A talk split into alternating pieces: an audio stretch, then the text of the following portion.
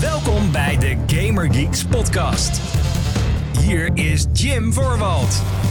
Hallo mede Gaming Geeks, wat leuk dat je luistert naar de Gaming Geeks podcast, de talkshow van uh, GamingGeeks.nl, waarin ik je graag bijpraat over alles wat er gaande is in en rondom de gamingindustrie. Ik uh, ja, wens je bij deze van harte welkom bij deze 185ste aflevering van de show.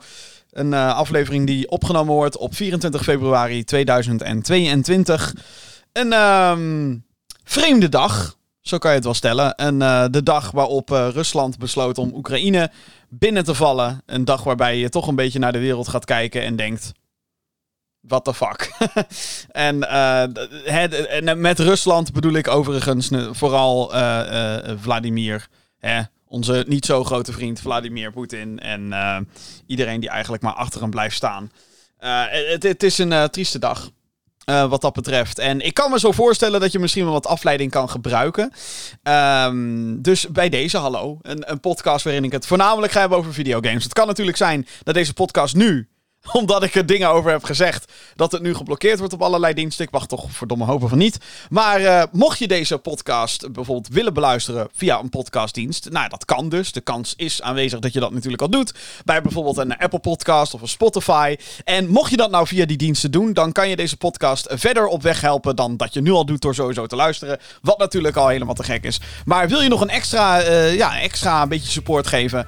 Dan kan je deze podcast ook beoordelen. Ja, je kan het een rating geven. Dan kan je sterren geven. En hoe hoger de gemiddelde score van deze show, hoe uh, beter dat voorkomt in de algoritmes en zo. Dat helpt de show in ieder geval enorm.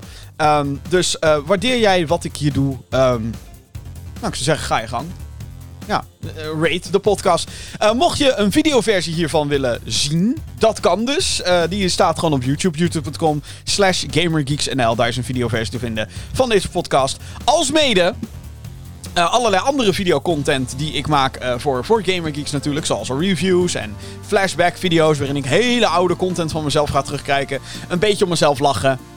En soms dan uh, kijk ik terug met, hey, eigenlijk ben ik het wel eens met de gym van heel lang geleden. zijn in ieder geval leuke video's, wordt heel leuk op gereageerd. Ik zie allerlei nieuwe verzoekjes ook al binnenkomen van oude video's die ik dus opnieuw moet gaan kijken met... Ehm, met mijn commentaar van nu er dan bij. Uh, eentje die ik voorbij zag komen, wat me wel heel leuk lijkt om te doen, is de PlayStation 4 unboxing. Want dat is al heel lang geleden inmiddels. 8,5 jaar. Kunnen we wel stellen inmiddels. En nou ja, dat is gewoon leuk. Dus uh, die ga ik zeker nog doen. Uh, mijn excuses overigens ook. Uh, hoort er toch wel even bij. bij het feit dat deze show iets later is dan gepland. Ik heb een paar weken um, bij de radio gewerkt ontzettend leuk, ontzettend gaaf. Um, maar zeker dan na een dag als deze. Het, het, is een beetje. Ja, ik heb het gewoon heel druk. Daar komt het op neer. Dus en, en, vooral ook met het spelen van nieuwe dingen. Maar daar kom ik op terug natuurlijk. Ik wil het over één game specifiek hebben. Maar het is echt. Nou ja. Komt zo, komt zo, komt zo. Komt helemaal goed. Maar voordat ik naar de playlist ga. Lijkt het me ook wel leuk om uh, de show een beetje te beginnen met een paar korte nieuwtjes. Normaal wacht ik een tijdje in, in, in dit soort afleveringen totdat, uh, totdat ik naar de grote nieuwsberichten ga. Maar er zijn ook gewoon bepaalde dingen waar ik niet heel veel over te vertellen heb. Dus, uh, dat. Dus uh, snel, snel, snel, snel, nieuws. Paar, paar, snelle nieuwtjes dan. Ehm, er was een opvallend bericht van Bloomberg deze week. Uh, van Jason Schreier, een, een gamejournalist die daadwerkelijk ook nog gamejournalistiek doet durf ik toch wel te zeggen. Um, het gaat over Call of Duty. Jason Schreier van Bloomberg die, uh, heeft dus in een artikel beweerd dat Call of Duty 2023 is uitgesteld naar 2024. Nou, daar doe ik even een blikje voor open. Hm. Nou, waarom is dit belangrijk nieuws? Want hey, het is de Call of Duty van volgend jaar pas. Omdat Call of Duty elk jaar uitkomt. En maar dat is echt al sinds 2005 dat je kan zeggen dat er elk jaar een nieuwe mainline Call of Duty uitkomt. Dus dat, dat zou best wel een big deal zijn als ze voor het eerst in weet ik hoeveel jaar een jaartje zouden skippen. Um, nou is wel het geval dat Activision, de uitgever van Call of Duty, inmiddels hierop heeft gereageerd met... Dat mag Jason Schreier wel zeggen, maar... Nou, ons ons weten is dat niet waar. Dus het wordt heel erg interessant om te kijken hoe, hoe dat nou zit. Want Jason Schreier schrijft niet zomaar een artikel ehm, als deze. Dus ehm, we gaan het afwachten. Maar goed, de Call of Duty eh, van dit jaar komt er gewoon aan. Dat is de nieuwe Modern Warfare. Ehm, of een vervolg op Modern Warfare 2019 wordt dat. En we krijgen een nieuwe Warzone. Call of Duty Warzone 2, de Battle Royale game. Dus ehm, wat dat betreft zitten we gewoon nog lekker gevuld met, ehm, met Call of Duty content. Voorlopig dus wel. Dan, eh, interessant nieuws vanuit Bethesda. Eh, de Bethesda Launcher gaat weg. Ja, op eh, PC, als je op de computer speelt, dan ken je waarschijnlijk al Steam. En je kent eh, de, de Origin van EA. Je hebt Ubisoft Connect. Je hebt de Epic Game Store. Je hebt GOG, Galaxy, whatever. Je hebt, tegenwoordig heb je, eh, elke grote partij wil zijn eigen digitale winkel hebben waar je games door kan kopen. En via die, dat programma start je ook games op, worden ze geüpdate, et cetera, et cetera, et cetera. Iedereen vond dat fantastisch om te doen. Uh, maar dus, en, en er zijn maar weinig, uh, of althans er zijn een aantal winkels die meerdere games aanbieden. Zoals dus een Steam en, en uh, Epic Game Store, dat zijn de meer algemenere. Amazon heeft er tegenwoordig ook eentje, Amazon Gaming. En de enige reden waarom ik dat ding geïnstalleerd heb staan, is omdat ik via Twitch Prime gratis games kan claimen. Ik blijf wel een Hollander natuurlijk. Hm. Maar um, Bethesda had er dus ook één, specifiek voor hun games. Dus Elder Scrolls en Doom, Wolfenstein, Fallout, etc. Die launcher gaat dus weg. In mei gaat de launcher sluiten. En als je dan denkt, oh my god, paniek. Wat nu? Geen zorgen, je kan alles van je Bethesda-account... Uh, doen we dat? Emigreren? Is dat het juiste? Whatever. Je kan het verhuizen naar je Steam-account. Wat voor mij dus wel heel fijn is, want Doom Eternal is bijvoorbeeld een van de games. Ja, die heb ik op de Bethesda launcher. En ik heb niet echt zin om dat opnieuw te gaan kopen op Steam, dus dat hoeft niet. Wordt gewoon allemaal overgehemeld. In vanaf april kan je dat al gaan doen. En in mei gaat dan de boel dicht. Moet wel zeggen dat het wel weinig tijd is. In alle eerlijkheid. Ik bedoel, één maand de tijd is niet heel lang voor de gehele sluiting van een van een digitale winkel, vind ik dan. Doe je zou maar zeg maar net in april op een hele lange reis gaan hebben of zo. En, en dan, ja, dag. 60, 120, 100, of hoeveel euro's je er ook in hebt. Dag. Beetje lullig.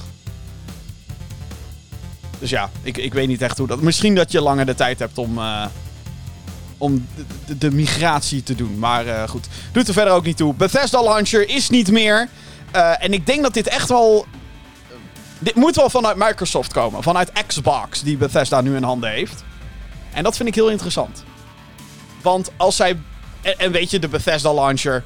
Niemand wilde dat ding. Het, het, was kut. Het was echt kut, om. Het voegde letterlijk niks toe aan het bestaande landschap.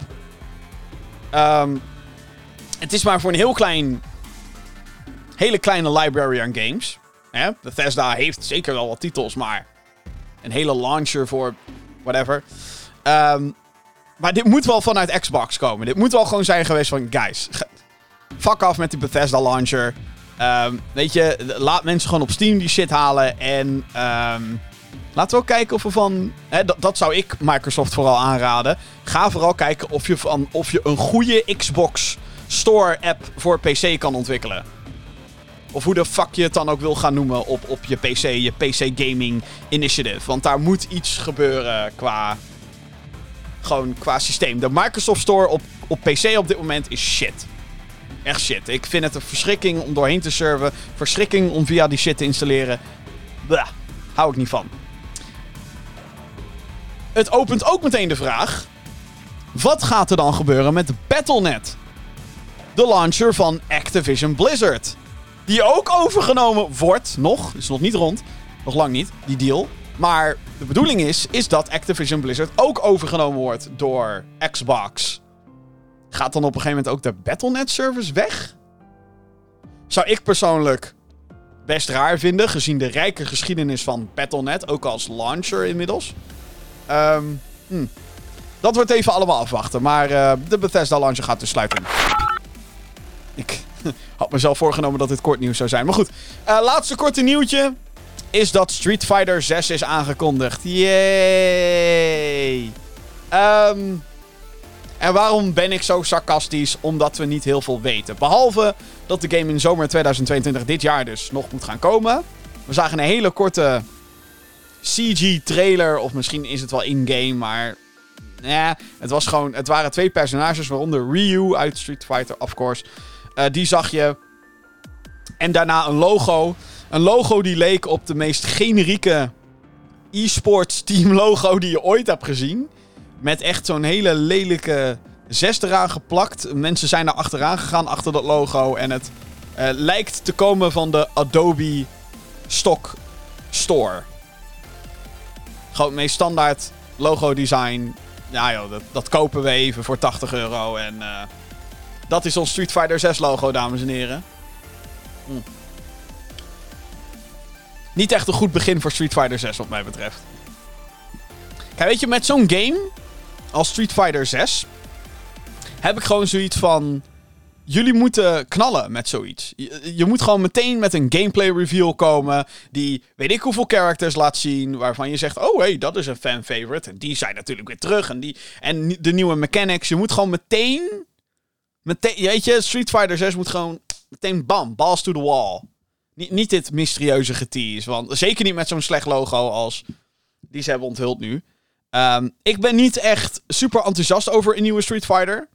A, ik ben sowieso niet. Oh, wauw, een nieuwe fighting game. Moet ik. Zo ben ik niet. Ik vind fighting games wel leuk.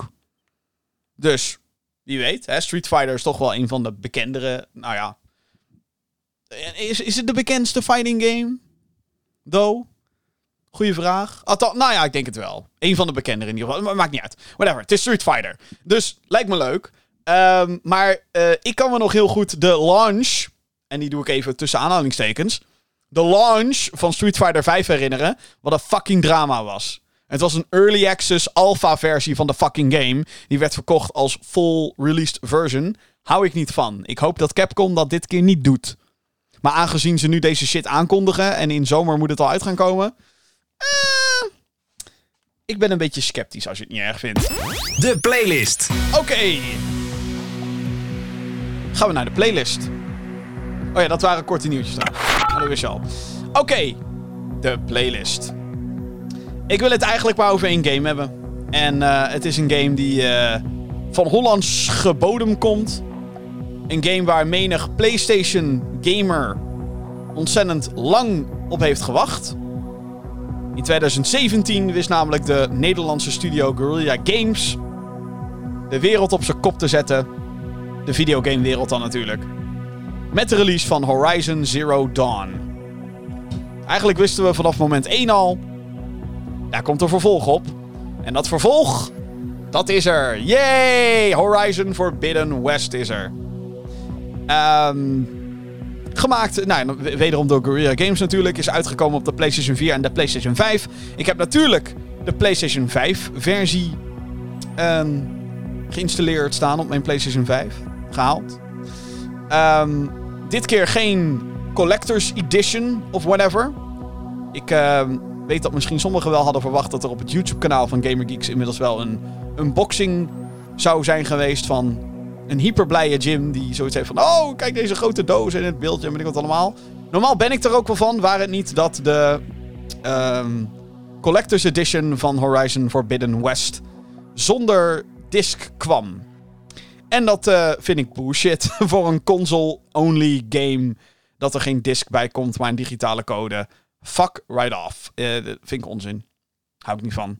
Uh, dus vandaar dat ik geen Collector's Edition heb. Maar goed, even dat, daar gelaten. Horizon is een, Forbidden West ook, is een open world game. Waarin je speelt als Aloy. De setting is de wereld die naar de kloten is gegaan, maar inmiddels weer best wel goed uh, teruggegroeid is. Waar het niet dat er nu allemaal robot-dinosauriërs rondlopen. En andere beesten die. Uh, of nou, robots die de, de, de vormen en het gedrag aannemen van bepaalde beesten. Um, ja, het, het, en dat blijft overigens een hele interessante wereld. Dus, ik moet erbij zeggen dat voordat deze game uitkwam, ik best wel mijn best heb gedaan, durf ik te zeggen, om de verwachtingen over deze game te temperen. En dat had twee redenen. En de eerste is, is dat het een vervolg is op Zero Dawn. Wat een ontzettend goede game al is. De eerste. Dit is Forbidden West natuurlijk, de tweede, de nieuwe. Maar de, de eerste was al een ontzettend, ontzettend goede game. Echt gewoon dat je denkt, fijn, fijn om te spelen, nog steeds. Ehm, en, en deel 2 borduurt daar gewoon weg op voort. Als je snapt wat ik bedoel. Het is, het is geen hele nieuwe game, zoals Horizon. En, en met, met- dat klinkt overigens heel verkeerd, maar met hele nieuwe game bedoel ik, hey, het is gewoon een vervolg, weet je wel. Je krijgt een nieuwe wereld, maar dan wel met heel veel van dezelfde game mechanics en natuurlijk dezelfde characters, althans een aantal van dezelfde characters. Hè, het is een vervolg. Het is geen, het wordt niet de revolutie die Zero Dawn was. Oké, Zero Dawn was niet echt een revolutie, maar gewoon een ontzettend goede open world game. Uh, maar het is, hè, snap, je wat ik bedoel? Het is niet de, de, de, nieuwheid. Die zal er vanaf zitten. Dat was reden 1 waarom ik enigszins getemperd deze game in ging. Reden 2 is dat deze game voornamelijk gemaakt is voor de PlayStation 4. En nou heb ik daar, weet je, aan zich niks op tegen. Ze hebben sinds, volgens mij gewoon sinds dat Zero Dawn uitkwam en ze de DLC voor die game af hebben gemaakt, zijn ze gewoon al bezig geweest met Forbidden West. Ehm, dus wat dat betreft is het soort van logisch van... nee, we maken hier een eh, best wel high-end PS4 game...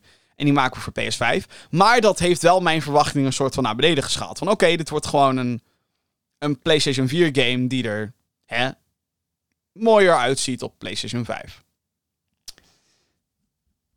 Ik heb ehm, inmiddels... Ik moet er wel even bij zeggen... ik heb niet superveel gespeeld. Ik heb zeg maar... hmm, hoe kan ik dit het best omschrijven hoeveel ik gespeeld heb?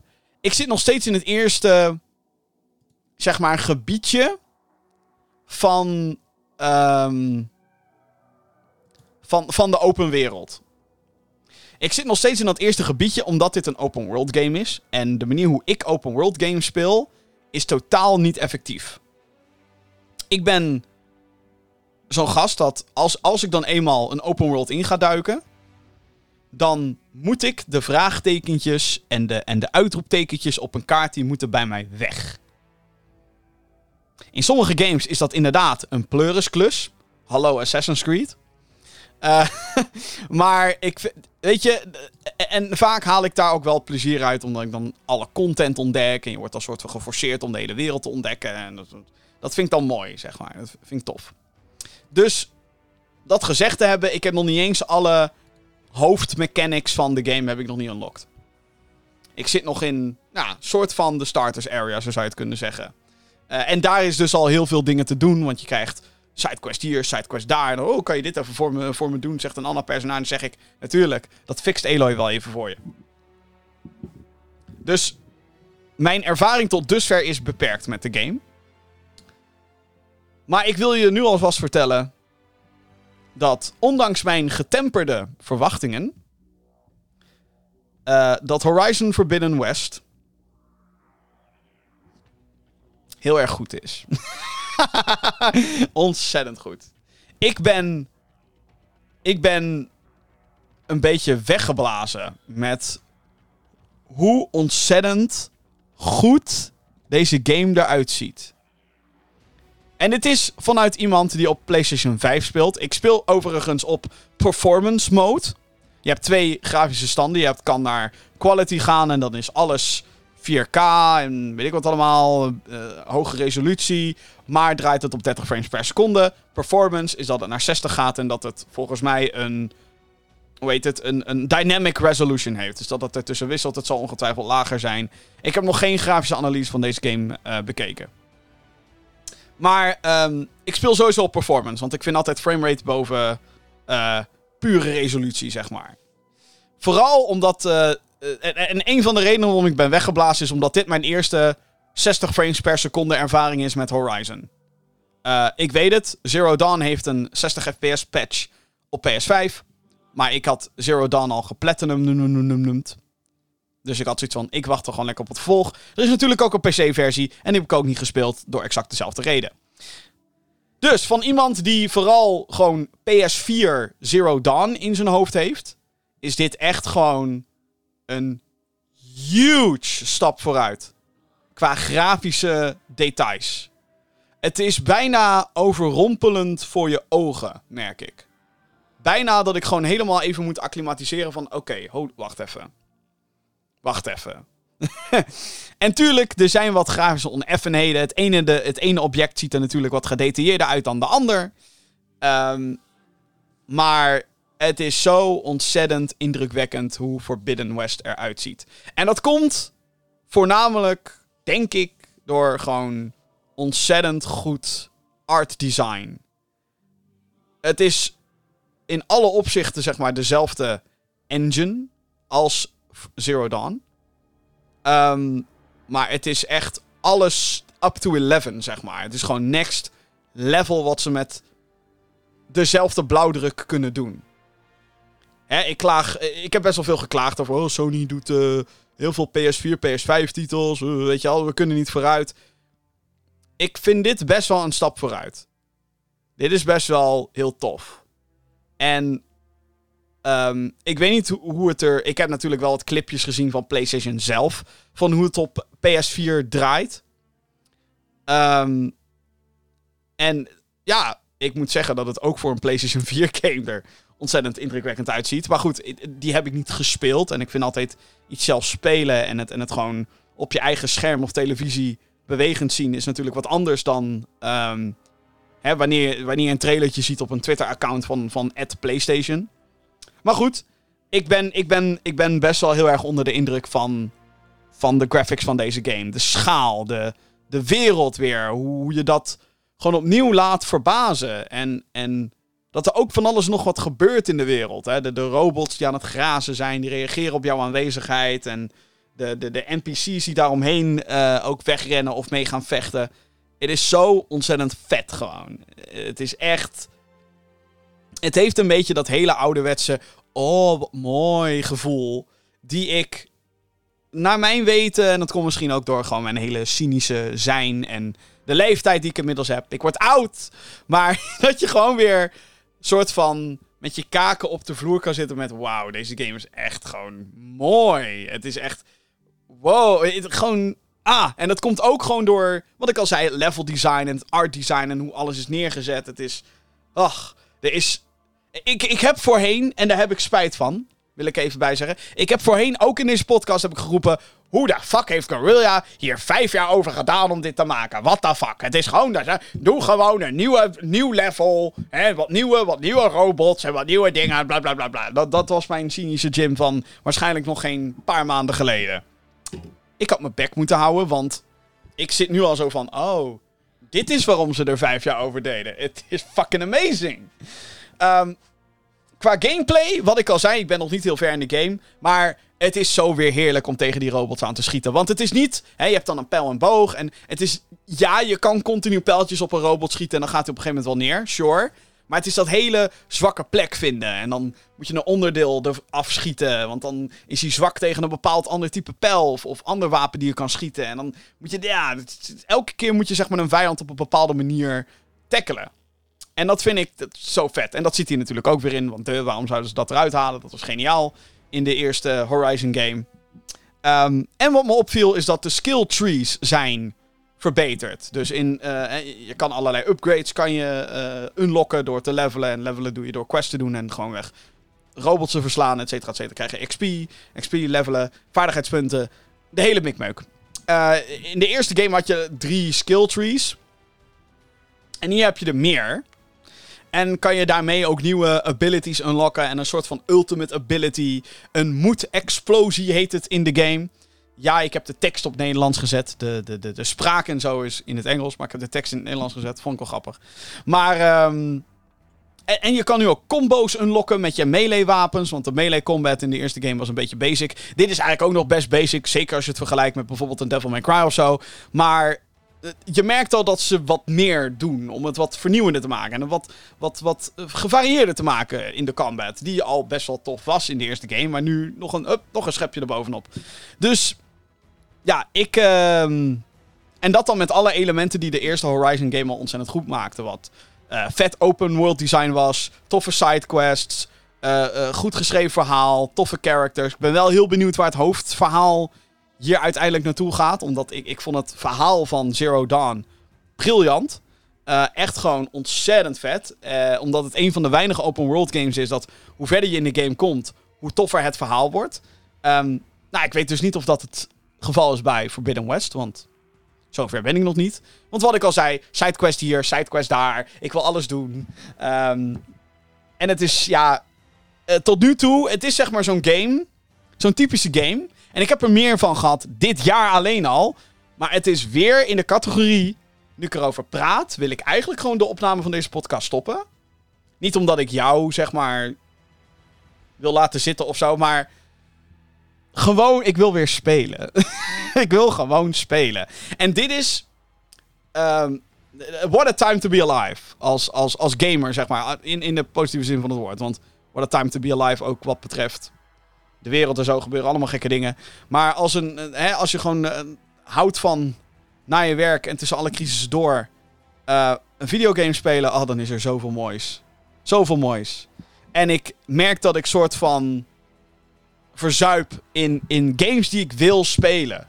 Echt gewoon oprecht, gewoon dat ik denk, oh my god, gewoon. Want op dit moment zit ik met drie open world games die ik alle drie geweldig vind. Pokémon Legends Arceus. Eh, ik zit met Dying Light 2. En dan nu ook Horizon Forbidden West. En het, alle drie hebben ze de categorie. Ik kan het op elk moment oppakken. En dan verlies ik de tijd. Voor je het is het drie uur verder.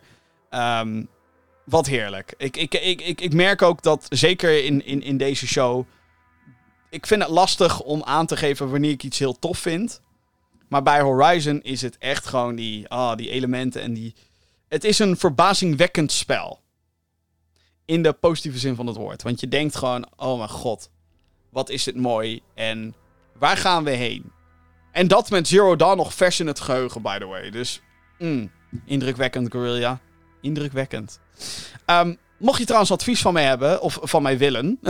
van hey, Jim, ik heb Zero Dawn nog niet gespeeld, de eerste game. Moet ik dat nog doen?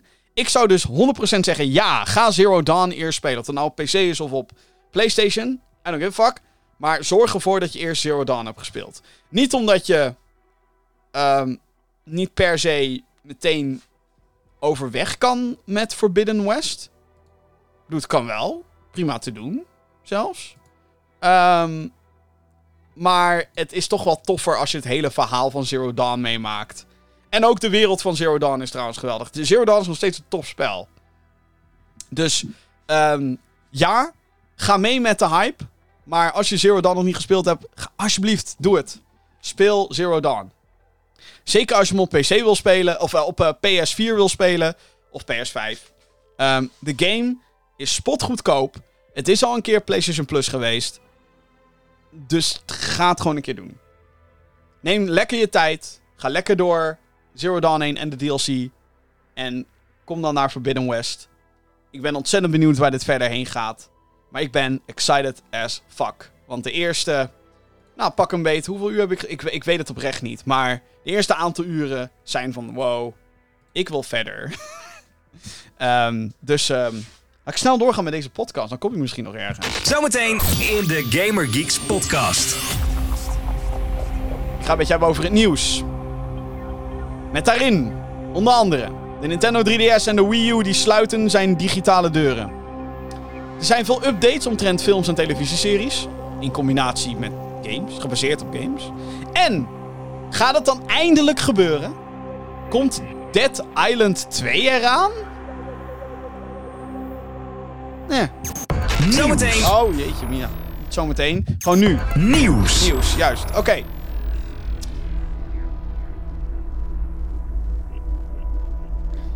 Eerste nieuws van de dag. Of althans van deze week. Sorry, niet van de dag, van deze week. Een eh, verrassend nieuwtje. CD Projekt Red heeft afgelopen week de nieuwe versie voor Cyberpunk 2077 uitgebracht. Voor Xbox Series X en PlayStation 5 zijn er nieuwe apps die verbeteringen brengen uh, voor wat betreft performance.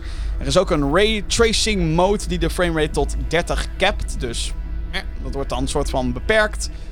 Het is, eindelijk, uh, het is er eindelijk zover. YouTube-kanaal Digital Foundry heeft deze versies uitgebreid geanalyseerd en kwamen tot de conclusie dat de raytracing mode in Cyberpunk 2077 resoluties behaalt tot 1440p.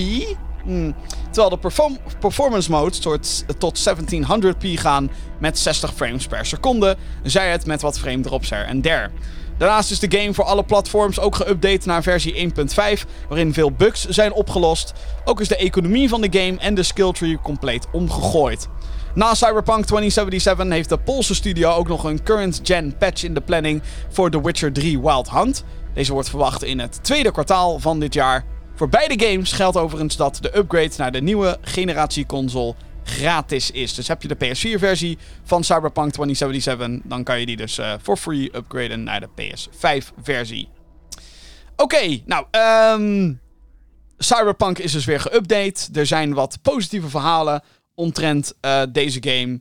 Het is um, ja, een soort van relaunch voor een, een, een spel wat, wat mij betreft dramatisch begon. Uh, ook op PC. Ik, ik kon er gewoon echt niet inkomen door de vele problemen die er waren. Problemen met, ook met de skill tree en met de economie van de game.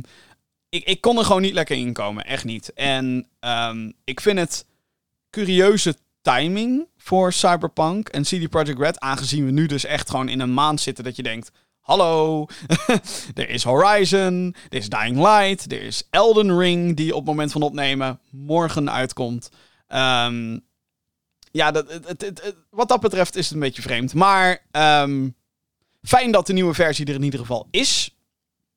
En ik moet zeggen dat de analyse van Digital Foundry, wat betreft de graphics van deze game, vond ik dus ontzettend interessant. Dat er dus een, een quality graphics setting is op current gen consoles, PlayStation 5, Xbox Series X, die tot um, 30 frames per seconde gaat, maar dan niet eens 4K haalt. Dus 4K raytracing op consoles. Ik denk dat we inmiddels tot de conclusie kunnen komen. Maar dit is misschien te vroeg dat ik dit zeg. Was nog. Maar de PlayStation 5 en de Xbox Series X zijn zo te merken geen echte 4K-machines. Want 4K is geen 1440p. Dat is 2000p. Dat is 4K. Dus, ehm... Eh. En ik merk dat dan ook, zeg maar, met een Horizon die... Uh, en niet dat Horizon lelijk is, want die game is prachtig. Maar ergens stoor ik me eraan dat we, zeg maar, ik bedoel, ik vind het tof dat de optie er is dat je kan kiezen: hey, wil je de resolutie wat lager en dan 60 frames per seconde? Of wil je de resolutie hoger en 30 frames? Tof dat de optie in ieder geval bestaat. Graag. Hou dat, AUB. Ik wil, ik, dit moet gewoon standaard worden.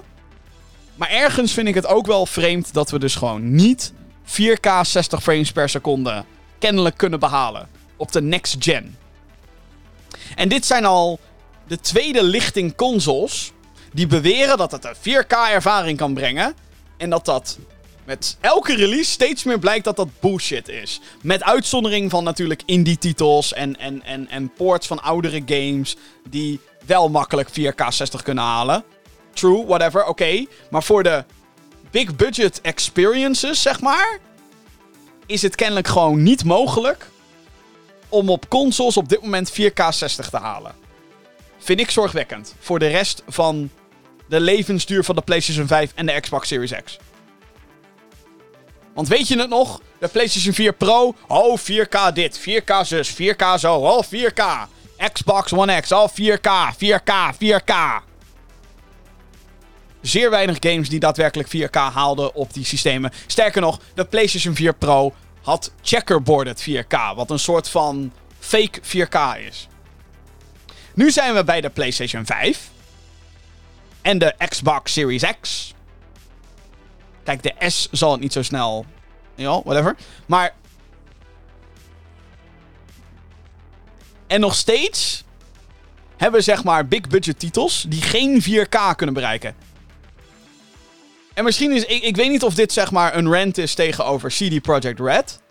Of tegenover de consoles en zijn makers.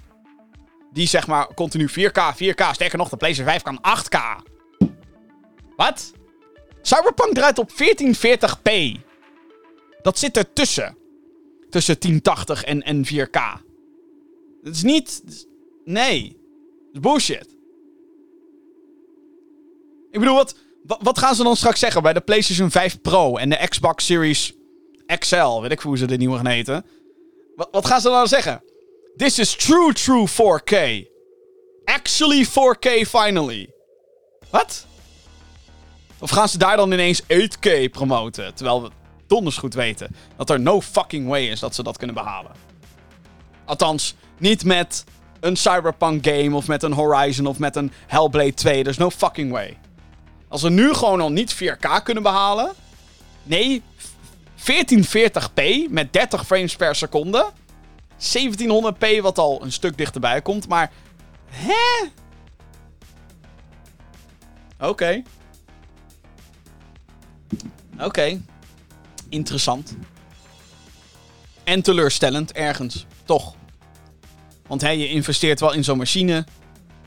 En kijk, weet je, ik wil, ik wil niet zo'n zo'n zo'n bitch zijn die zegt: Oh, het is 4K, dus het is waardeloos. Absoluut niet. Want wat ik net al zei, ik was blown away door de graphics van Horizon. En dat is echt niet 4K. Denk ik. Ik weet het niet. Maar ik ga er even vanuit. En games kunnen er nog prima uitzien op 1080p en whatever. Ligt natuurlijk ook heel erg aan je televisiescherm. Met consoles en zo. Maar alsnog. Ja, alsnog. Dit moeten we niet echt pikken, vind ik. Moeten we gewoon niet willen. Moeten wel gewoon... Ik ben het hele 4K gebeuren ben ik zo zat. Ik ben zo zat. Vooral omdat we gewoon... 1440p lijkt nu gewoon de standaard. Dat is de in-between, zeg maar. Dat lijkt nu gewoon een soort van veilig punt. Om je daarop te focussen. Nee, 1440p. Niet 4K. Maar en het is gewoon... Ik, snap niet waar ze... Laat ik het zo zeggen. Als je machine heel krachtig is dan kan je dat op weet ik hoeveel manieren laten zien. En, en, en ook met een een of andere gekke term die je kan verzinnen. Hè? In plaats van Ultra HD noem je het Super HD. 1440p is nu de Super Saiyan van HD. Wil je zeg maar een niveautje omhoog? Wil je blauw haar? Dan ga je voor 4K of zo. Super, super, Super Saiyan Super of zoiets. Iets in die trant. Ik kijk niet echt Dragon Ball, zoals je merkt. Maar dat hele 4K, gemarketing, bla bla bla. Ik ben er fucking klaar mee. En dit is een van de redenen. Ik denk, hoeveel games. Ik wil gewoon een keer een big budget, gewoon fucking vette game zien. Die 4K, 60 fps met raytracing kan. Dat wil ik. Ik denk niet dat het mogelijk is op de huidige systemen. Misschien op, nou, op mijn PC misschien wel. Maar ja, ik heb een RTX 3090 AMD 5950X. En mocht je nou totaal niet weten waar ik het over heb. Fucking duur. En heel krachtig. Veel krachtiger dan de PlayStation 5. Maar ik denk dat ook mijn systeem. ligt er natuurlijk aan welke game en hoe goed die geoptimaliseerd is, et cetera. Maar ook dat ding heeft denk ik wel moeite met 4K, 60 fps, uh, raytracing. Ik heb het niet geprobeerd, want nou ja, mijn monitor gaat tot 1440p. En ik heb een fucking goede monitor die gewoon heel scherp is en, en heeft allerlei gekke features. Zodat games er goed uitzien en zo. Dus ja, ik ga dat niet ineens vervangen door een 4K-monitor als het niet nodig is. En het, is, het frustrerende hieraan is, is dat het soort van te laat is. He, alle 4K marketing speech, eh, speak is al gesproken. Dus kunnen zij, kunnen dat niet meer terugnemen. Het is wel bullshit.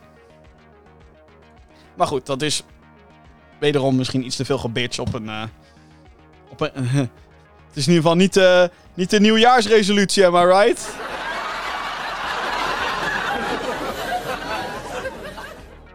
Oh my god. Oké, tijd om te gaan klagen over Nintendo. Mm. Oké, luister. In de vorige podcast heb ik Nintendo gewoon heel erg geprezen. Voor hun Nintendo Direct en, en de games die ze daarin hebben aangekondigd. Mario Strikers voor de fucking win. Let's go. Zin in. Het wordt een geweldig jaar voor Nintendo Switch. Er komen echt ontzettend veel toffe games aan. Maar goed, Nintendo being Nintendo. Na een goede week denken ze, weet je wat, laten we de rage van Jim weer eens aanwakkeren. En gewoon weer met een, uh, een announcement komen. Dus, wat is er aan de hand, Jim? Nou, ik ga het aan je uitleggen. Nintendo heeft aangekondigd dat de digitale winkels voor hun platforms de Wii U en de Nintendo 3DS gaan sluiten in maart 2023. Wanneer de exacte datum toeslaat, uh, of wanneer die datum toeslaat, is het niet meer mogelijk om games digitaal te kopen op deze handhelds en consoles. Daarnaast wordt ook het downloaden van nooit eerder gespeelde free-to-play games onmogelijk en ook demo's verdwijnen van de service.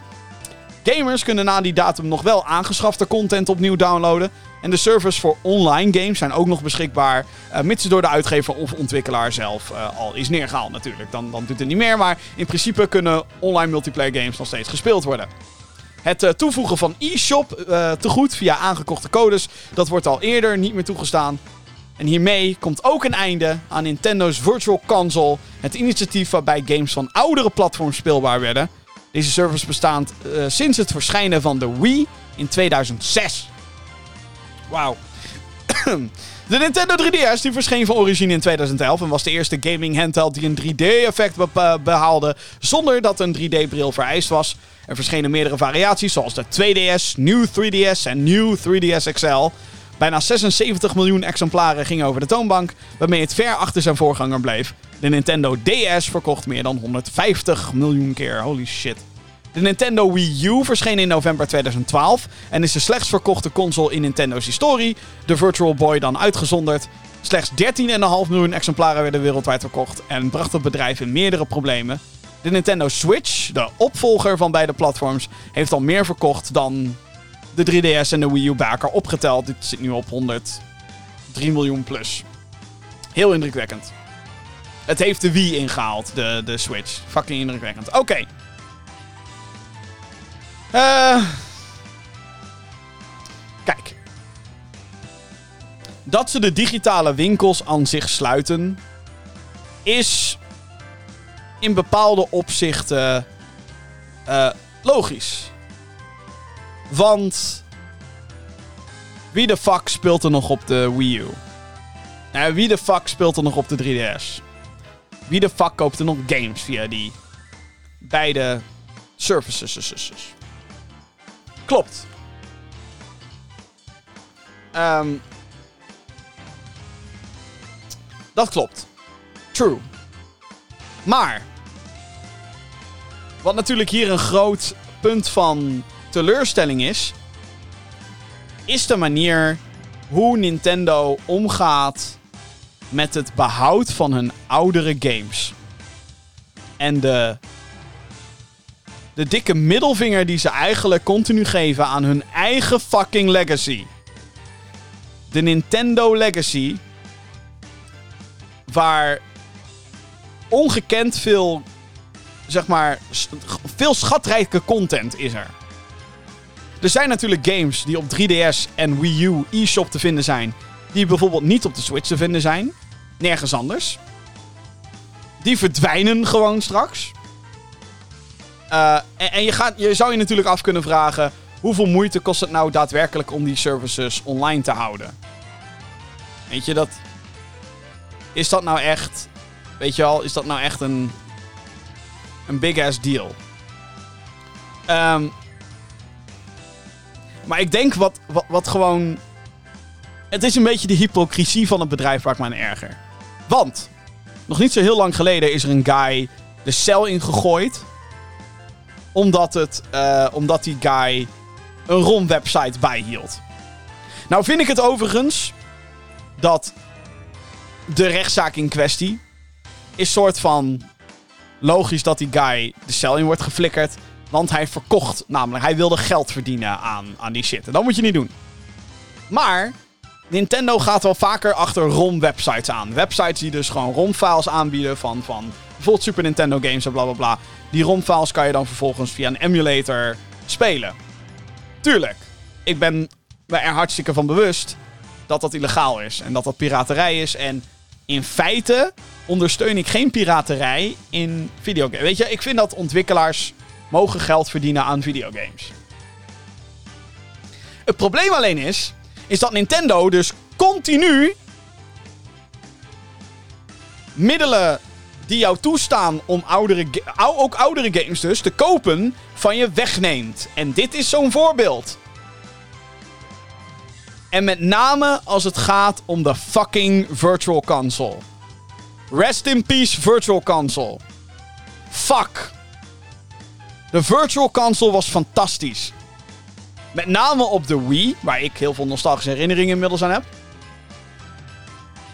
En ik weet dat je dan kan gaan wijzen, maar Nintendo heeft een Nintendo Switch Online dienst toch? heeft de Nintendo Switch Online dienst op dit moment systemen zoals de fucking Sega Master System, de TurboGrafx 16, Neo Geo games, Commodore 64? Nee! De Virtual Console op de fucking Wii had het wel. Wat? Eh, eh, eh, Nintendo Switch Online is een gigantische stap achteruit ten opzichte van de Wii Virtual Console, de Wii U Virtual Console en de 3DS Virtual Console. Op de 3DS had je Game Boy games. Op de Wii U had je Game Boy Advance en fucking Nintendo DS games. Shit was awesome. Gewoon. Er, er was heel veel rijke historie aan videogames die daarop beschikbaar waren. Zijn, in het, nu nog zijn. Volgend jaar niet meer. Dan is het waar. Dan is het gewoon weg. Kan je er niet meer bij. Kan niet meer. Haha. En ik heb het idee dat Nintendo een goudmijn laat liggen. Door gewoon niet de Virtual Console op de Switch te brengen. Gewoon, breng het naar de Switch. Hadden ze natuurlijk moeten doen toen de Switch uitkwam. Maar in plaats daarvan kozen ze voor een abonnementsdienst. Die bij lange na bij lange, lange, lange na niet in de buurt komt van wat de Virtual Console ooit was. Nu is het van, oh hey, Earthbound is op de Switch, jongens. Wauw. Het was er ook al op de fucking Super Nintendo, op de fucking Wii, op de fucking Wii U. Het was er al lang. Al lang. Maar nu moeten we allemaal blij gaan zijn omdat... Wauw, Earthbound is op Nintendo Switch Online. Dit had fucking vijf jaar geleden moeten gebeuren. Nintendo had zoveel fucking geld kunnen verdienen door gewoon de Virtual Console op de Nintendo Switch te doen. Met hey, deze week krijg je zo'n game, deze week krijg je deze game. Deze en dan niet dat het fucking vijf jaar duurt voordat we eindelijk Majora's Mask hebben op de Nintendo 64. Kom op, jongens. We moeten nou ineens allemaal blij gaan zijn dat Majora's Mask verkrijgbaar is op de Nintendo Switch Online plus Expansion Pass. Come on, gewoon, kom op. Ik kon op de Virtual Console kon ik gewoon fucking Ocarina of Time al gewoon spelen voor 10 euro in 2006. De Nintendo 64 was toen nog niet eens 6 jaar oud. Nintendo 64 is nu... Het is ancient. Breng gewoon meer van die games ernaartoe, jongens. Is Donkey Kong 64 ooit een keer gerereleased? Ik heb geen idee. Maar ik zou het wel graag een keer willen doen. Doet Nintendo dat? Nee. Dus stel dat ik nu een of andere neiging had van... hé, hey, ik wil eigenlijk gewoon een keertje alle Donkey Kong games spelen. Het kan niet eens, want Nintendo biedt het niet eens aan. Gewoon. Wordt het niet eens een keer tijd dat we Gamecube games een keertje fucking op de Nintendo Switch krijgen? En nee, daar heb ik het niet over Super Mario Sunshine in Super Mario 3D All-Stars. Iets wat Nintendo natuurlijk ook al uit de verkoop heeft gehaald voor wat voor vage domme reden dan ook. We hebben daar nog steeds geen antwoord op waarom ze dat nou eigenlijk ooit hebben gedaan. Super Mario 3D All-Stars, ja, kan je niet meer halen. Hebben ze inmiddels al de games apart ergens... Ja, Super Mario 64 is op de fucking Nintendo Switch Online Expansion Pass. Joepie. Sunshine? Galaxy? Nergens. Like... Hoe fucking moeilijk is het om gewoon... En oké, gewoon klinkt ook weer misschien iets te makkelijk gezegd. Maar waarom duurt het altijd zo lang bij Nintendo? En waarom nemen ze dan de middelen waardoor je nog wel die oude shit kan spelen van ons weg? In dit geval de Wii U en de 3DS eShop. De Virtual Console. Weg. Gone. Is het gewoon, ook financieel gezien, niet veel fucking slimmer om gewoon op de Switch een dergelijke virtual console te hebben met meer content dan ooit? Een NES, Super Nintendo, Master System, Mega Drive, Game Boy, Game Boy Color, Game Boy Advance. Nintendo DS wordt misschien wat tricky met de twee schermen en touchscreen vereist. Maar goed, in handheld mode op de Switch kan je dat soort shit wel weer doen. Whatever. Maar goed, uh, Wii games. Want je hebt toch Joy-Cons. Misschien vereist dat wel een iets hoger level van emulatie. Maar goed, het is een geluk met Super Mario Galaxy. Dus whatever, hier ben ik. Um, Gamecube.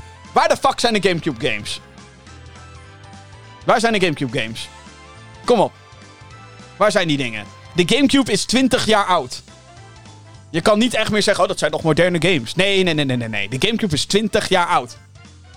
Of kom gewoon zo snel mogelijk met een remastered port van al je fucking Gamecube games. Hè? Of pleur ze gewoon op een Gamecube Virtual Console en laat ons 20 euro per game betalen. We zijn met z'n allen gek genoeg om het te doen. Want we deden het eigenlijk al bij Super Mario 3D All-Stars. Gewoon dit soort, dit soort simpele dingen. En oké, simpel is misschien iets te simpel gezegd. Maar het, het kan toch niet zo zijn dat Nintendo. dat dit onmogelijk is voor Nintendo om voor elkaar te krijgen. Zeker als het gaat om hun eigen gepubliceerde titels. Dat ze daar zo lang over doen op de Switch. Om eindelijk een. Oh wauw, er komen Nintendo 64 games aan, jongens. Maar dan moet je wel een duurdere abonnement halen. Wat krijgen we ervoor? 10 games. en dan Mega Drive games. En dan. En het is nog steeds zo underwhelming. Het is zo teleurstellend allemaal. Hoe weinig het is. En hoe, hoe hard ze achterlopen. Ten opzichte van vroeger. Zeg maar, ze lopen achter op het verleden. Bij Nintendo.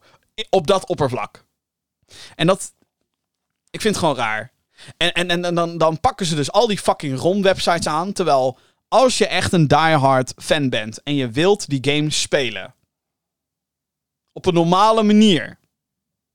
Want laten we eerlijk zijn, een oude console van Marktplaats halen, dan de oude game fysiek ergens vandaan halen, kan best wel een uitdaging zijn.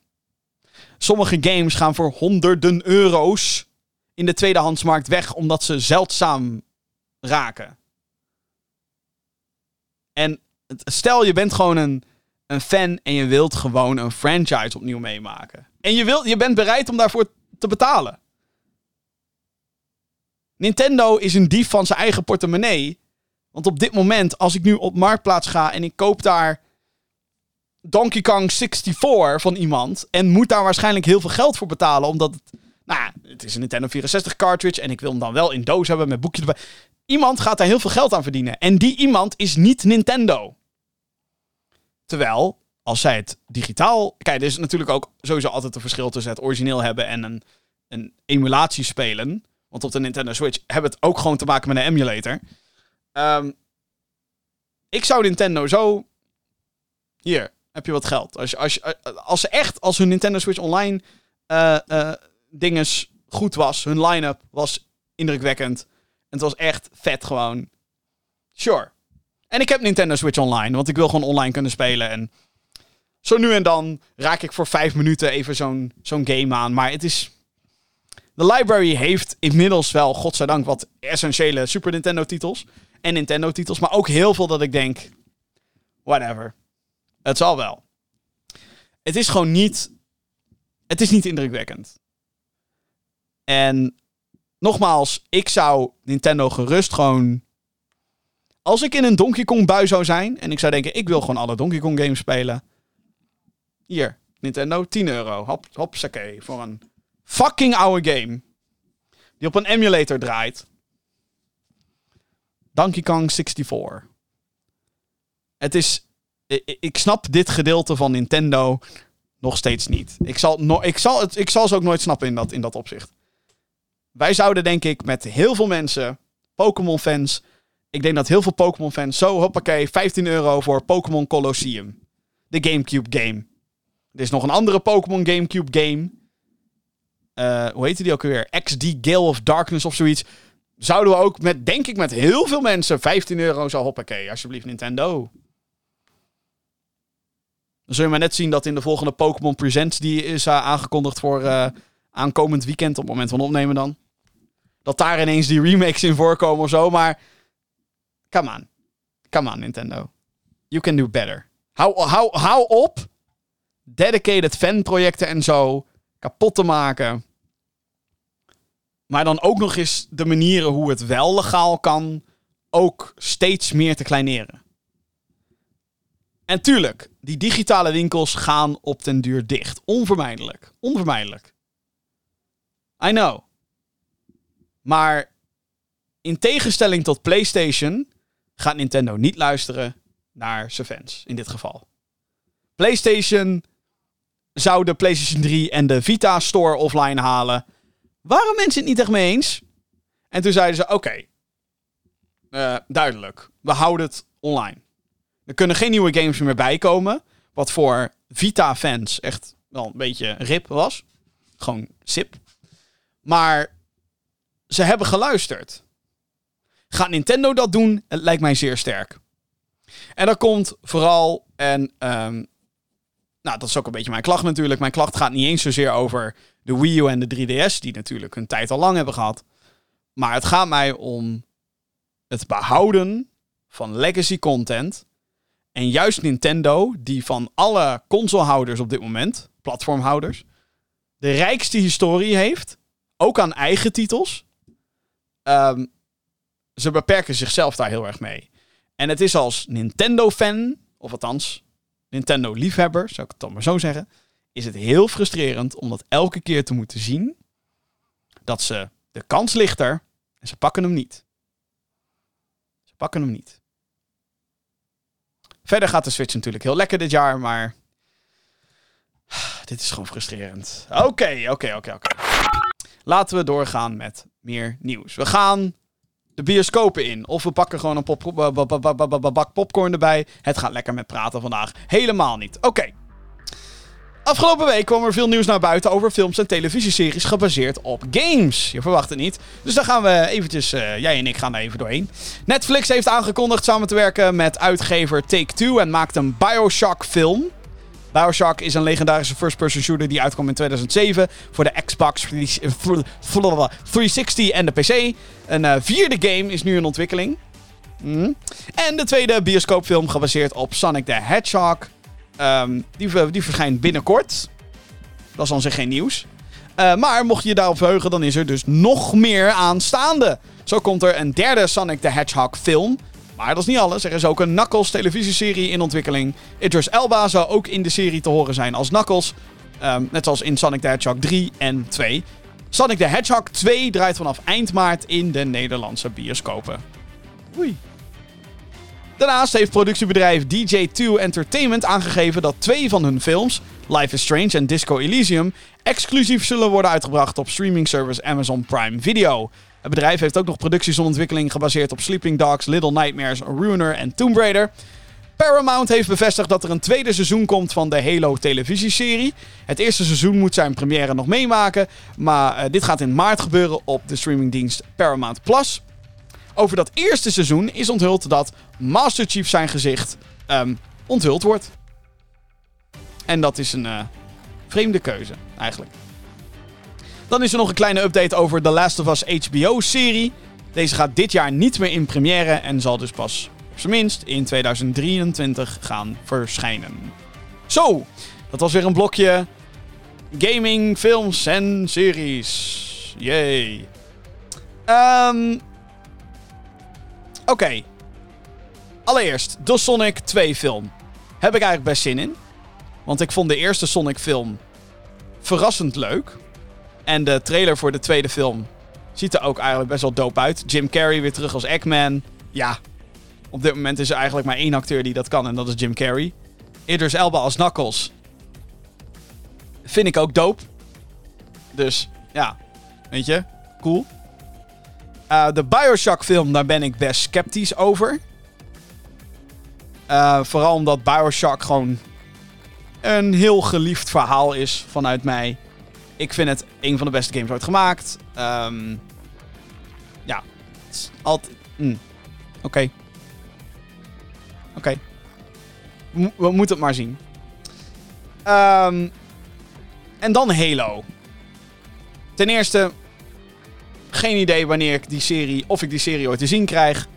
Want ik weet niet waar het in Nederland uitkomt. Maar ik ga niet fucking Paramount Plus nemen. That's for fucking sure.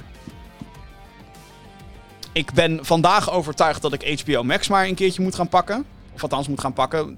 Dat ik me daar moet gaan abonneren. Hmm.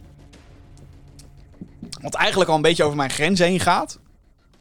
Want op een gegeven moment is het wel gewoon klaar met het aantal subscription services wat ik wil gaan aanschaffen. Ik bedoel, ik heb al Disney Plus, ik heb al Netflix, ik heb al Amazon Prime. Daar komt dus een fucking 4 erbij. HBO Max. Oké, I guess. Ik wil Peacemaker zien. Anyway. um, wat wilde ik vertellen? Oh ja, Paramount Plus, Halo. Waarom ga je Master Chief zijn hoofd laten zien? Waarom doe je dat? Ik bedoel, het is... Weet je, de en ik ben niet eens diehard Halo-fan, hè? Ik ben niet eens diehard Halo-fan, maar ik weet... Die helm blijft op. En... Misschien dat het weer zo'n soort van... Mandalorian-achtig geval wordt. Hè, dat, dat, dat misschien heel af en toe zijn helmpje eraf gaat. Ongetwijfeld. Maar. Ja, ik weet het niet. Ik vind dat. Eh, vooral omdat The Mandalorian in Star Wars. Dus die, die Star Wars Disney Plus serie. Hè, dat is een personage die ze zelf hebben verzonnen. Het zal wel. Maar met de Halo-serie heb je te maken met Master Chief. Een, een character die voor deze serie al een hele lange, duidelijke legacy heeft.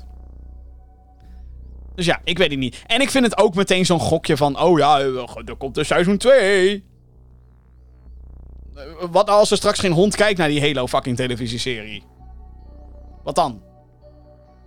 Ga dan ook nog steeds door? Ze kunnen natuurlijk altijd halverwege cancelen, maar... Ik weet niet, ik heb er altijd een beetje moeite mee als ze meteen zeggen... We gaan zoveel seizoenen doen en we gaan zoveel... Ja, ja, dit wordt onze nieuwe grote franchise. Oké. Dus ja, uh, en dan de laatste was HBO-serie. Ze nemen, ze nemen in ieder geval hun tijd daarmee. Ook daar ben ik heel sceptisch over, want ik vind niet dat een uh, Last of Us-serie uh, nodig is. Omdat ik vind dat de game eigenlijk zijn verhaal, de eerste game, zijn verhaal ontzettend goed vertelt. En ik me echt afvraag in hoeverre een serie daarin daar iets aan kan toevoegen. Behalve dat het een iets wat andere teken wordt van. I don't know. En het is wel interessant. Want juist bij dit soort games kan ik nu eindelijk een keer bij een televisieserie gaan zitten. Of in de bioscoop gaan zitten met. Ik heb het origineel gespeeld of gezien. En dan kan ik de, de kritische eikel kan ik uithangen. Vind ik leuk. Want heel eerlijk, bij The Lord of the Rings. Ik had het boek nog niet gelezen voordat ik de film zag. Harry Potter, idem. Ze allemaal van die. Oh, het is gebaseerd op een boek. Boeien, niet gelezen ik ga uit van de film. maar nu wordt dit eh, ook met de Uncharted film die eraan komt. In, in België is, is die film uit. Hier duurt het nog een fucking maand of zo. Of een aantal weken. Geen idee wat daar aan de hand is. Maar um, dat, dat wordt heel interessant. Wordt een interessante ervaring voor mij. Dat ik in de bioscoop ga zitten. Nou, ik ken de game. Hoe is deze film? Ik heb dat natuurlijk al een aantal keer gehad. Met de Warcraft film bijvoorbeeld en zo. Maar het begint nou allemaal op te schalen. En ik weet niet of ik daar per se blij mee ben of zo. Ik ben, nou ja, wat je al merkt, ik ben cynisch. Oké. Hideki Kamiya, ontwikkelaar bij Platinum Games, wil dolgraag opnieuw de game Skillbound maken. Holy shit, dat is een fucking Xbox logo. Goed getimed, Jim. Dit was ooit bedoeld als exclusieve game voor de Xbox One. En werd meerdere malen tijdens E3 gepresenteerd. Kamiya was uh, een van de schrijvers en de regisseur van dat project. In 2014 werd de game onthuld. Aantal trailers gehad en zo. Maar in 2017 werd de stekker eruit getrokken door Microsoft. En de game is dus nooit uitgekomen. Nu zegt Kamiya dat hij al jaren dolgraag wil dat Platinum Games Skillbound opnieuw oppikt. Sterker nog, hij zou dat ook graag met Xbox willen doen. Sterker nog, de CEO, nou ja, eh, daar kom ik zo op terug. Sindsdien zijn er genoeg fans geweest die Phil Spencer, het hoofd van Xbox, oproepen om een bod te doen op Platinum Games. Aangezien Xbox de laatste paar jaar flink de portemonnee heeft getrokken om allerlei partijen over te nemen. Het meest extreme voorbeeld is natuurlijk Activision Blizzard, die ze willen overnemen voor 68,7 miljard. Oké, en, en de CEO heeft dus inmiddels een interview gegeven waarin hij zegt: Ja hoor, wij staan open om overgekocht te worden. Zouden wij helemaal niet erg vinden.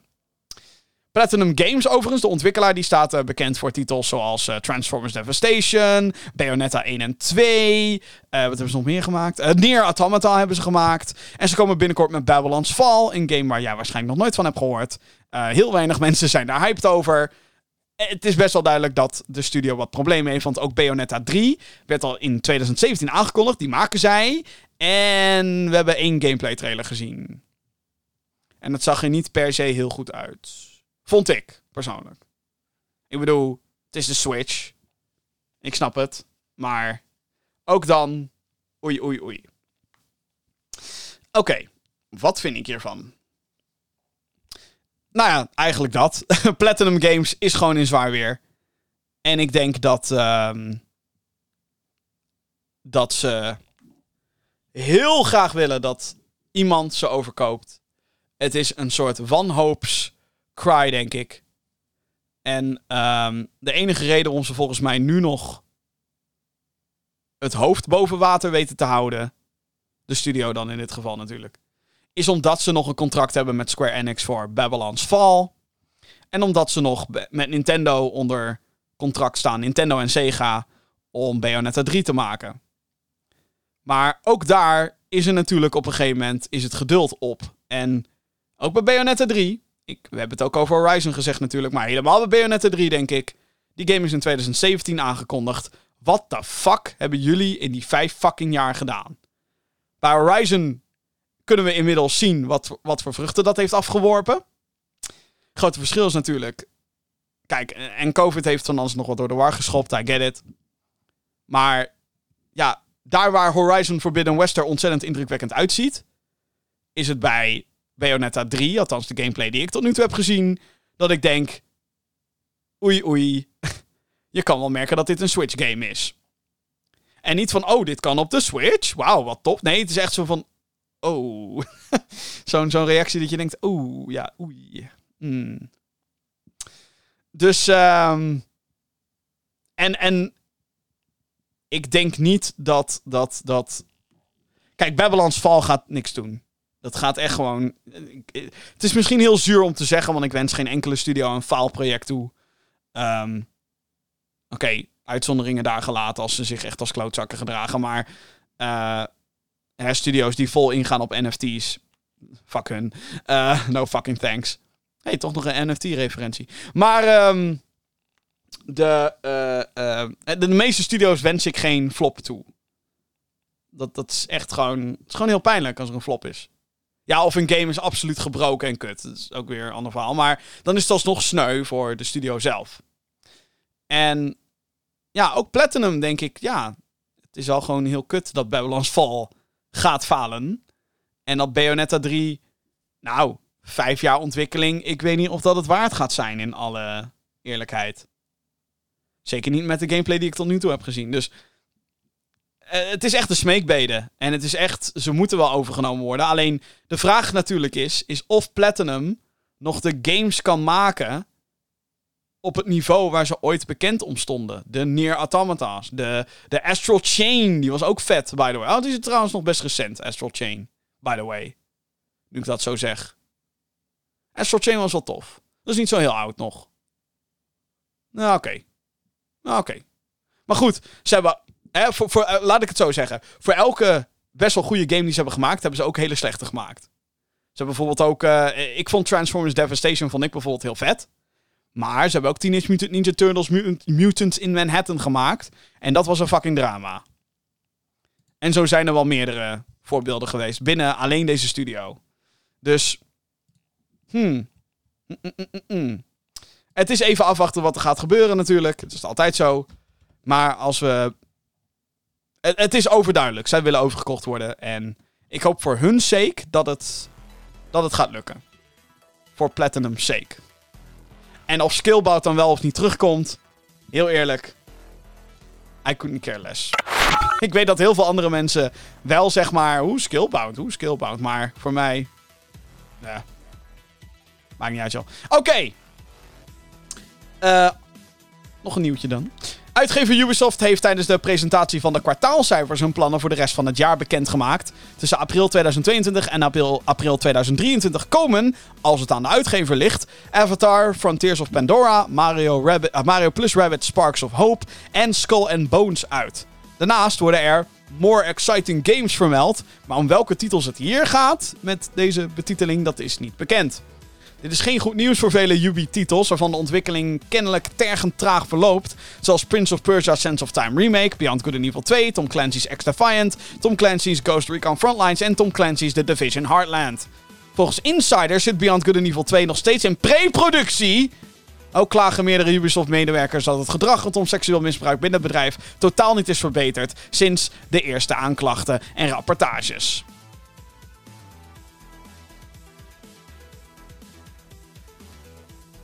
Ziet er ook niet goed uit voor Ubisoft. Die zitten natuurlijk niet in zulk zwaar weer als bijvoorbeeld een Platinum Games, maar. Oei! Oei, oei, oei, oei. Ehm, Ubisoft moet nodig uh, gaan veranderen. Nodig, nodig, nodig. Al jarenlang zijn er klachten over seksueel misbruik. Kap met die fucking shit, oké? Verander de cultuur. Haal die fucking CEO daar weg. Want hij kan het niet oplossen. Dat is meer dan duidelijk. Het is niet een kwestie die sinds een half jaar speelt. Of sinds een jaar speelt. Dit speelt al jaren. En nu, samen met COVID, heeft dat gigantische effecten op de games die ze maken. En terecht, wat mij betreft. Fuck al die mannetjes die een hand boven het hoofd uh, hebben gehouden, gekregen, bla bla bla. Continu maar een tweede kans, ook al rand je iemand aan. Onacceptabel. Haal die mensen daar weg en haal de mensen weg die dat mogelijk hebben gemaakt. En dat is ook de fucking CEO. Haal hem daar weg.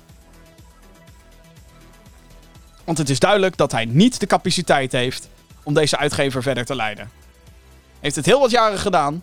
Ubisoft heeft ontzettend veel succesverhalen. En ik zou liegen als ik zou zeggen dat er. Dat ik. Mario plus Rabbits. Lijkt me tof.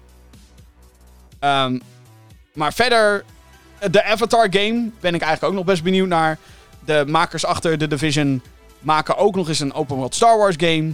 Lijkt me ook hartstikke interessant. Maar voor de rest, Skull and Bones. Het is gewoon multiplayer Assassin's Creed. Boat mode. Hoe fucking lang duurt dit? Beyond Good and Evil 2 is inmiddels meerdere keren opnieuw aangekondigd. En het is gewoon nog steeds niet. Jongens, geef het gewoon een keertje op. Of geef niet op. Hè? Hou vol. Maar kom dan met een goede update of zo. Laat even zien wat de game nou is. Want Beyond Good and Evil 2, ik weet het nou...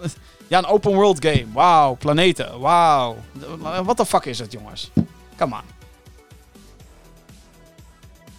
En dan die, die, die multiplayer free-to-play meuk waar ze mee gaan komen. Voor hetzelfde geld is het heel leuk. Ik heb er twijfels over. Ik... Het ziet er gewoon niet goed uit.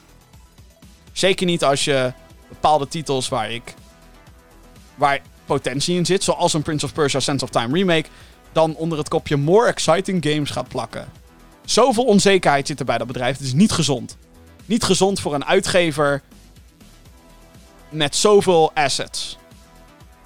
Sowieso natuurlijk geen enkel bedrijf waar er een cultuur, uh, cultuur heer, zo kan ik eens aan mijn woorden komen. Joh. Cultuur heerst van seksueel misbruik is niet gezond. En um, ik mag hopen dat uh, Ubisoft dan wel een keertje heel snel fucking actie gaat ondernemen. Of uh, dan wel heel snel laat zien dat het wel enigszins goed met ze gaat. Um, ik heb het al vaker geroepen. Ik zie Ubisoft echt als een potentiële kandidaat om overgekocht te worden. Um, want het gaat gewoon niet goed daar. Maar het zou zonde zijn als elk bedrijf waar het even niet goed gaat, maar overgekocht moet worden. Want het is denk ik ook niet een industrie waar we in willen zitten. Maar ja. Triest. Triest, triest, triest. Oké, laatste nieuwtje van deze week. En het is een opvallend hoor. Uh, het is nog een onthulling uit, uh, die voortkomt uit presentaties van de kwartaalcijfers. De Embracer Group, die een aantal uitgevers en studio's in handen heeft, Die heeft namelijk gehint naar een mogelijke release voor Dead Island 2. The fuck? Deze zombie game werd voor het eerst onthuld in 2014 en werd in eerste instantie ontwikkeld door Spec Ops The Line eh, ontwikkelstudio Jaeger. Na een breuk met uitgever Deep Silver werd Sumo Digital erbij gehaald om de game af te maken. Dat leidde ook niet tot een release en nu is Dambuster Studios bezig met de game. Ironisch genoeg werd de eerste Dead Island gemaakt door de Poolse studio Techland, die inmiddels een eigen zombie-franchise heeft gecreëerd in de vorm van Dying Light. Daarvan kwam het tweede deel na 7 jaar ontwikkeling afgelopen maand dus uit.